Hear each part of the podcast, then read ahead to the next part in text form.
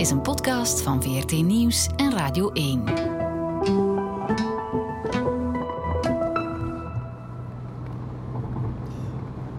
Dat gaat wel raar zijn, hè, Flip? Ja, ja want ja, het is ook zo'n beetje omdat we er zelf mee zitten. Hè, van hoe is het nu eigenlijk en ja, wat gaan we... Ja, wat gaan wij zeggen?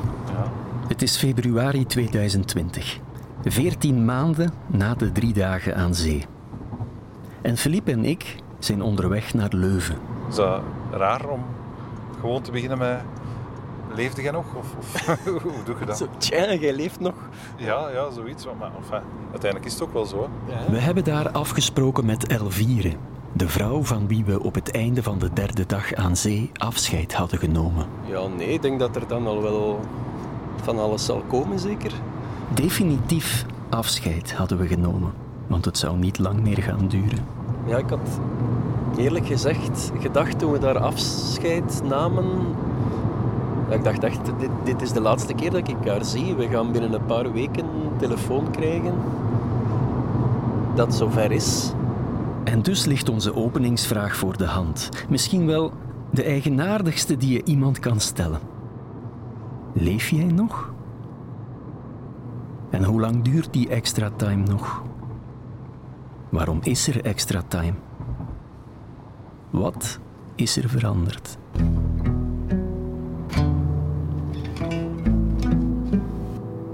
Drie dagen. Een podcast van Filip Heijmans en Wart Bogaert.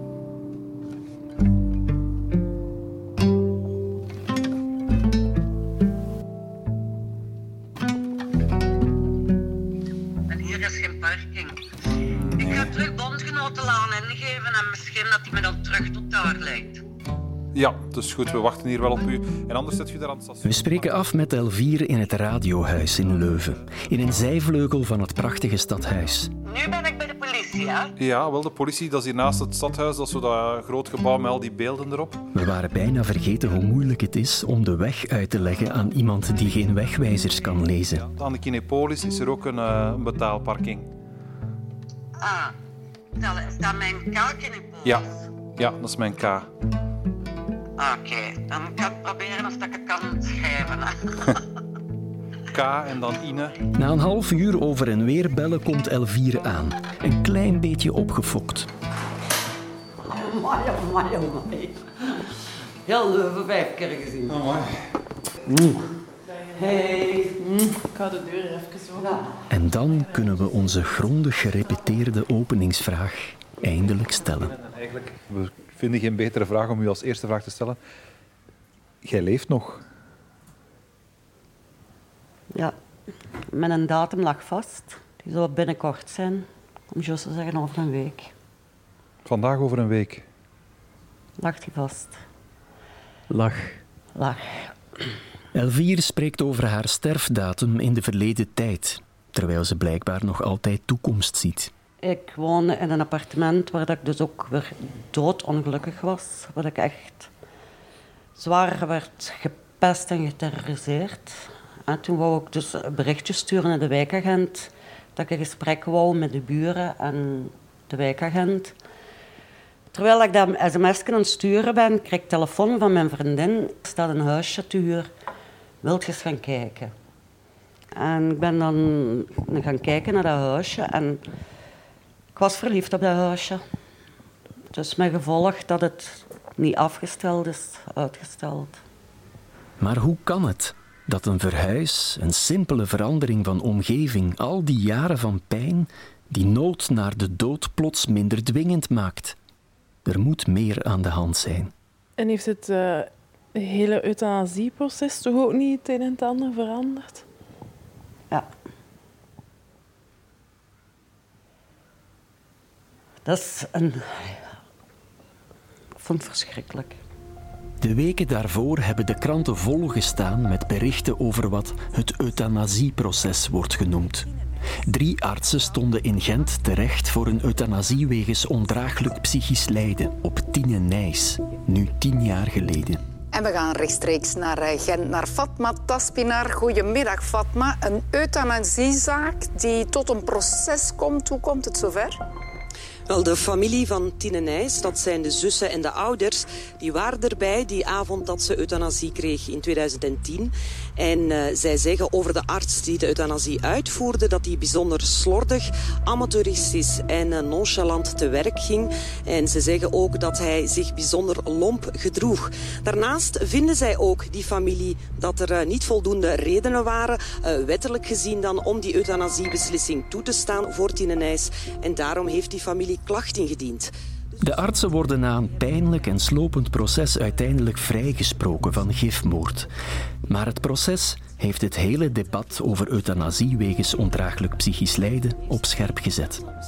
Collega's van de drie artsen getuigen in tv-studio's dat ze ongerust zijn. Patrick Wijfels, je bent lijfarts, levenseindearts. U begeleidt uh, mensen in dat proces. Ja, als u daar naar kijkt, denkt u dan met een bang hart... dit zou ook mij kunnen overkomen, ik zou daar ook kunnen staan? Ja, natuurlijk. Ik denk dat veel uh, van mijn collega's daar ook uh, op die manier naar hebben gekeken. Elvire heeft alles van heel dichtbij gevolgd en ze herkent die twijfels. Ik ben dan ook met een dokter geweest. Een uur met haar een gesprek erover gehad. En, en dingen die daar gezegd werden. Ja, het deed mij gewoon pijn, pijn om te horen hoe dat zij eigenlijk afgekraakt werd. En het klopt niet. Het zijn puur leugens allemaal. Ja, want dat is wel duidelijk geworden in de nasleep van het proces, dat er verschillende artsen zijn geweest die gezegd hebben, als ik in de toekomst nog eens met zo'n vraag geconfronteerd word, dan ga ik wel twee keer nadenken. Die gaan dat niet meer doen. Nee. Die gaan dat niet meer doen, daar ben ik zeker van. En jij wilt het ook niet meer vragen? Ik wil het ook niet meer. Ik wil mijn dokters die mij geholpen hebben, die, die mij, mij geloofd hebben en die, die in mijn, mijn verhaal meegegaan zijn, wil ik hun dat niet aandoen. Maar wacht eens, maar zitten we dan nu in een, in een situatie waarin dat jij een andere oplossing zoekt? Ja. Ja. En wat is die oplossing dan? Zelf doen. Ik wil euthanasie omdat ik op een schone, fatsoenlijke, waardige manier wil gaan. En daar hebben ze mij afgepakt. Dat beschouw jij als afgepakt? Dat is nu. afgepakt, ja. De angst die ik nu heb, is dat die dokters terug hetzelfde lot overkomt als wat geweest is. En dat wil ik niet. Dus door het euthanasieproces Ja. heb jij de euthanasiepiste verlaten nu? Ik heb nog altijd niet tegen de dokters gezegd, ik doe het niet. Maar voor mezelf heb ik uitgemaakt, nee. Je gaat het u niet vragen. Ik vrees van niet, nee. Ik, ik kom niet gemakkelijk terug op mijn mening. Dus je bent ergens bereid om je eigen recht op waardig doodgaan opzij te zetten om hen een proces te besparen eigenlijk. Er valt een lange stilte. Elvire beseft dat ze een enorme bom heeft gedropt. En Philippe, Ine en ik zitten met onze mond vol tanden naar elkaar te staren. Vuur maar af. Ja, we, we zijn een beetje Ja. verrast. eh, om het zacht uit te drukken. eh. Dat is, dat is nu, we hadden nu veel, z- allee, veel zien aankomen, ga ik niet zeggen, maar we, we hadden ons op veel voorbereid. Maar dit was een optie die, die we niet in ons hoofd hadden zitten. Dat is eigenlijk wat dat je altijd gezegd hebt dat je niet wou doen. Ja.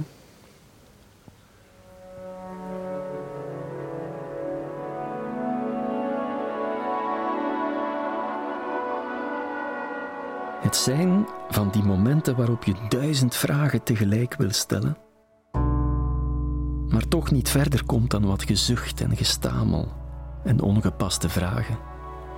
Moet je nog een koffie hebben? Ja, Ja, toe, hè. De koffiepauze geeft ons de kans om de gevolgen van wat Elvire net gezegd heeft in te schatten.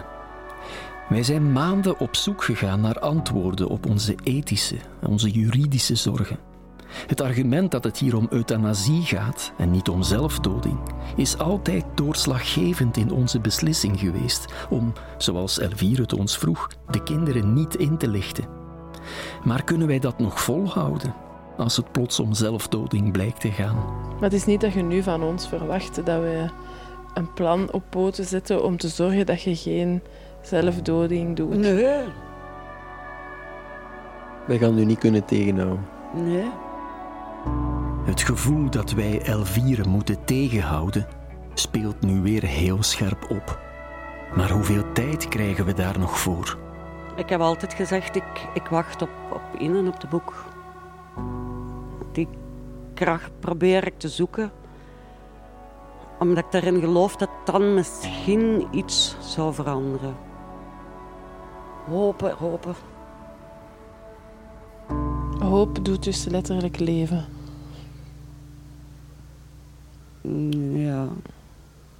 Elvire gebruikt de woorden geloof, hoop, kracht. En dat zijn woorden die we haar aan zee nooit hebben horen gebruiken. Soms snap ik het ook niet. Wat ik er moet blijven halen. Nog een nieuw woord. Moed. En ik denk voor een groot stuk, ja. Hoop op de kinderen. Zijn er, naast het euthanasieproces, misschien nog dingen die Elvire hebben doen besluiten om haar sterfdatum uit te stellen? Er is nog een kleinkind geboren. Ja. Het is nu vijf maanden. Hm. En dat zit je dan via Facebook te weten gekomen. Ja. Maar je blijft dat wel willen weten. Dat is logisch, denk ik. Ah Ja, ik weet niet, je zou ook kunnen zeggen, het doet mij te veel pijn, ik sluit me daarvoor af. Die pijn onderga ik wel. Komt er dan ook een soort strijdvaardigheid boven in de zin van ik ga toch nog een keer proberen om een stap te zetten op Nee, zo'n momenten? Dat lukt niet. Die kinderen die zijn zo gemanipuleerd en zo gebrainwashed. Die weten niks van mij, alleen negatieve dingen. Maar toch hoopt je wel dat als er een boek is met heel de uitleg erin, Ja. dat het wel zal doordringen.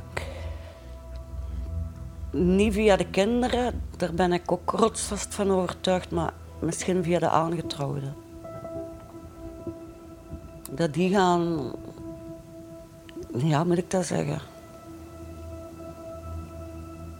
Die misschien dingen gaan herkennen in mijn ex. Het zijn kleine, nieuwe sprankeltjes. Heel kleine. Maar het zijn sprankeltjes die er voor de drie dagen aan zee niet waren.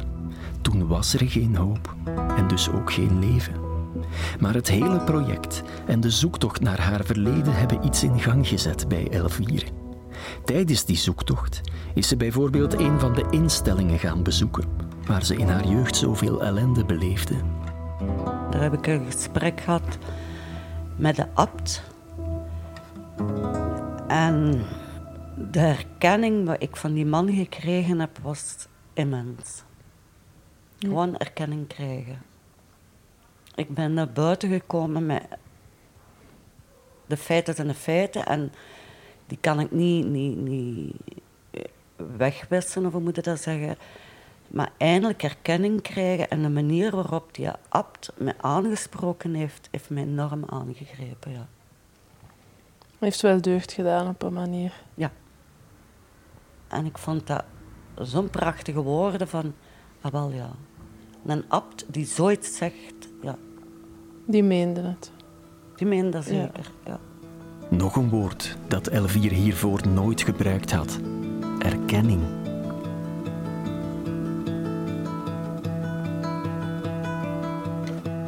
Een paar dagen na ons gesprek met Elvire leggen we het hele verhaal voor aan professor klinische psychologie Manu Keirsen.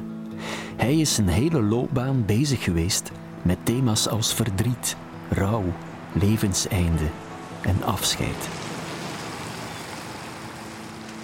het feit dat ze erkenning krijgt voor haar levensverhaal, het feit dat er een boek en een podcast rond wordt gemaakt, is een perspectief voor haar ook om naar uit te kijken.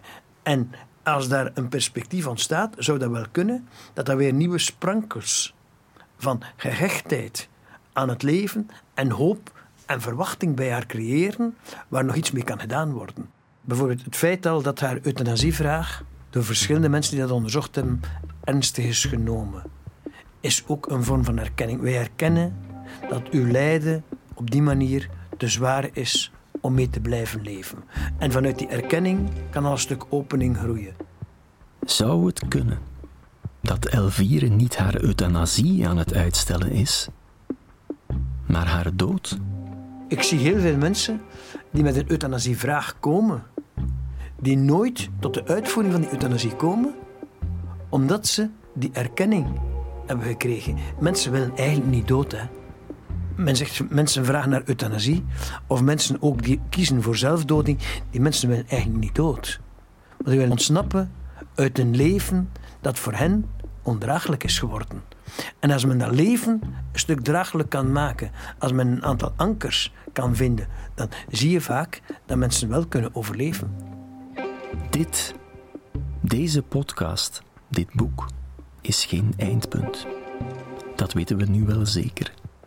Het is niet zoals wij aanvankelijk dachten. Elvire vertelt ons verhaal en kan rustig sterven. Nee, het is een nieuwe stap. Misschien wel naar een toekomst waarin ze niet meer moet kiezen tussen euthanasie en zelfdoding, maar waarin ze kiest voor het leven. Wat gaat de doorslag geven, denk je? Wanneer gaat jij weten, nu is het genoeg en nu keer ik niet meer terug? Gaat je dat weten? Als het euthanasie is, wel. Als het geen euthanasie is, als ik morgen weer een zware slag krijg. Maar je hebt al een aantal zware slagen gekregen. Ja. Maar het klinkt heel raar. Dan gebeurt er weer iets in mijn leven. Dan kom ik terug op mijn verhuis. Dus ik stel een datum vast en uit het niks komt dan naar huis. En dat is bizar en dat is gek, maar hoe graag dat ik eigenlijk ook dood wil zijn, als de, als de momenten er aankomen, is er iets in mijn leven wat mij toch ergens weer een, een, een boost geeft van nog eens proberen, geef het nog eens een kans. Ik kan dat moeilijk uitleggen. Maar ik snap dat je dat moeilijk kunt uitleggen. Ja, dat, dat is ook niet... Dat is ook moeilijk. Ja, ja. ja. Allee. Denk dat ik dat ook wel geleerd heb. Zo, allee, je denkt op voorhand, als je er geen ervaring mee hebt, van iemand wil euthanasie om psychisch lijden, krijgt de toestemming en dat gebeurt, bon, en dat is het. Terwijl ja, een mens zit complex in elkaar. Hè. En, en allee, dat is nu wel duidelijk geworden na die drie dagen aan zee en nu vandaag ook weer van, ja, je blijft een mens en, en dat schiet soms alle kanten uit. En, en, en de ene dag denkt je dit en de andere dag dat. En het is niet omdat je het mocht doen dat je het ook gaat doen. Ja, het is niet simpel. hè. Nee. Dat is ook niet. Dat is definitief, hè. Misschien, want daar heb ik dus ook al aan gedacht gehad. Ik ben in Brussel geweest, ik ben in mijn dossier gaan kijken van mijn verleden. En als ik dan dingen lees over mijn mama, is er ook een angst zo van ooit gaan mijn kinderen ook met die vragen zitten. Als ze 50 zijn, als ze 60 zijn, weet ik veel. Als ik er niet meer ben, moet dus ook iemand gaan, gaan zoeken van... Vertel eens over mama, hoe, hoe was mama? Wat ik eh, eigenlijk heb moeten doen. Is het dat? Ik weet het niet. Ik heb er ook geen verklaringen voor. Eigenlijk als gezegd, een mens heeft rare kronkels. Dus je wilt wel eventueel beschikbaar blijven voor de kinderen, dat ze niet dezelfde vragen zonder antwoord hebben als dat je zelf hebt Misschien, meegemaakt. ja. Ik weet, het, ik weet het zelf allemaal niet. Maar het speelt allemaal wel mee. Het speelt allemaal mee, ja. Het wordt hoe langer hoe duidelijker dat dit verhaal een open einde krijgt. Maar wat betekent dat voor de rol die wij hierin spelen? Ondanks alles wat de dokter ons verteld heeft, ondanks wat we van de deontologische raad hoorden, blijft het knagen. Hebben wij toch niet de plicht om te blijven proberen Elvire op andere gedachten te brengen? Hoe komt het dat wij dat gevoel hebben? Moeten wij toch geen contact zoeken met de kinderen en de ex-man? We geraken maar niet van die twijfels af. En dus leggen we ze ook voor aan professor Keersen. Die machteloosheid waar je voor staat, dat is heel moeilijk om daarmee om te gaan. Pas op, dat is eigenlijk hetzelfde als we met dokters zinloze behandelingen ziet aanraden aan mensen die fysiek zwaar ziek zijn. Die machteloosheid van we kunnen niet toegeven dat we aan de grenzen van onze mogelijkheden zijn gekomen. Eigenlijk gaat het om hoe kan ik omgaan met de deskundigheid van de machteloosheid. De deskundigheid van de machteloosheid. Met machteloosheid omgaan, dat vraagt een zeer grote deskundigheid. En je kan druk uitoefenen, dan is je fout. Begeleiden van iemand in zo'n proces. Begeleiden is naast iemand gaan. Aan het tempo die persoon zelf kiest. En in de richting die die persoon zelf kiest. En als je druk uitoefent, dan ben je iemand aan het voortsleuren, maar dan ben je niet meer aan het begeleiden. Je kunt die kinderen niet inlichten, wat zou eigenlijk, ik zou bijna zeggen, machtsmisbruik zijn ten aanzien van haar. Je kan eigenlijk haar maar adequaat begeleiden en helpen als je haar ook respecteert in wat zij belangrijk vindt en waar zij mee akkoord kan gaan. Het afscheid in Leuven staat in groot contrast met dat van meer dan een jaar geleden aan zee. Ik moet weg, ik moet door. Helaas, ik moet de kinderen gaan halen. Voor u klinkt dat heel absurd, maar... Absurd? Ik kan ze niet laten staan. Toen dachten we nog dat het de laatste keer zou zijn dat we elkaar zagen. Zal ik voor babysit zorgen? Oh, voilà. Ja, dat, is, dat zou geen probleem zijn. Je zou dat goed doen. Nu weten we het niet. Denkt je dat we binnen een jaar en twee maanden terug zo'n gesprek zouden kunnen hebben? Kan ik niet garanderen. Een boek. Ja. Maar je sluit het ook niet uit.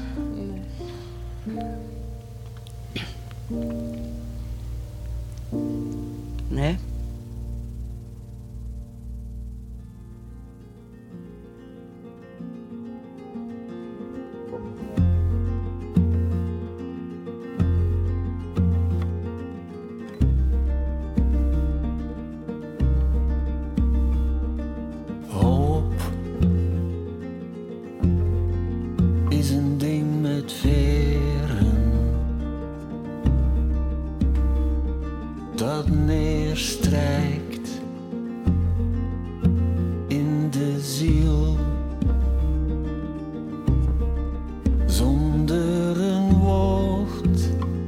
zingt het een lied.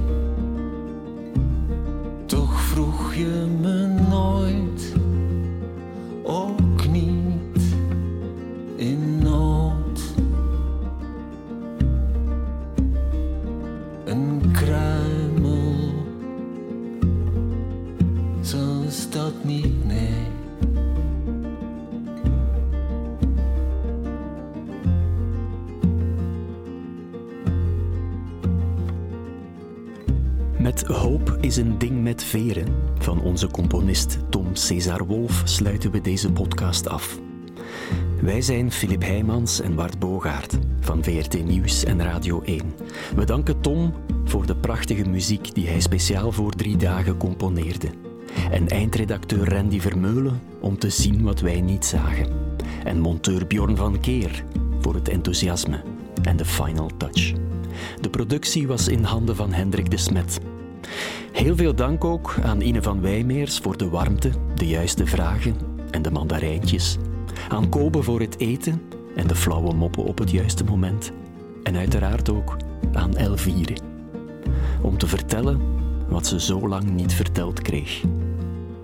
Het boek dat Ine schreef over Elvire is uit bij Lano onder de titel Als je wieg op drijfzand staat. Als je zin hebt in nog podcasts van Radio 1 en VRT Nieuws, ga dan eens kijken op radio1.be en op vrtnieuws.be. Zit je na drie dagen met vragen of bedenkingen die je met iemand wilt delen? Dan kan je terecht bij Teleonthaal op het nummer 106 of bij de zelfmoordlijn op 1813. En wij antwoorden ook graag op je vragen. Je kan ons vinden via drie dagen at radio1.be.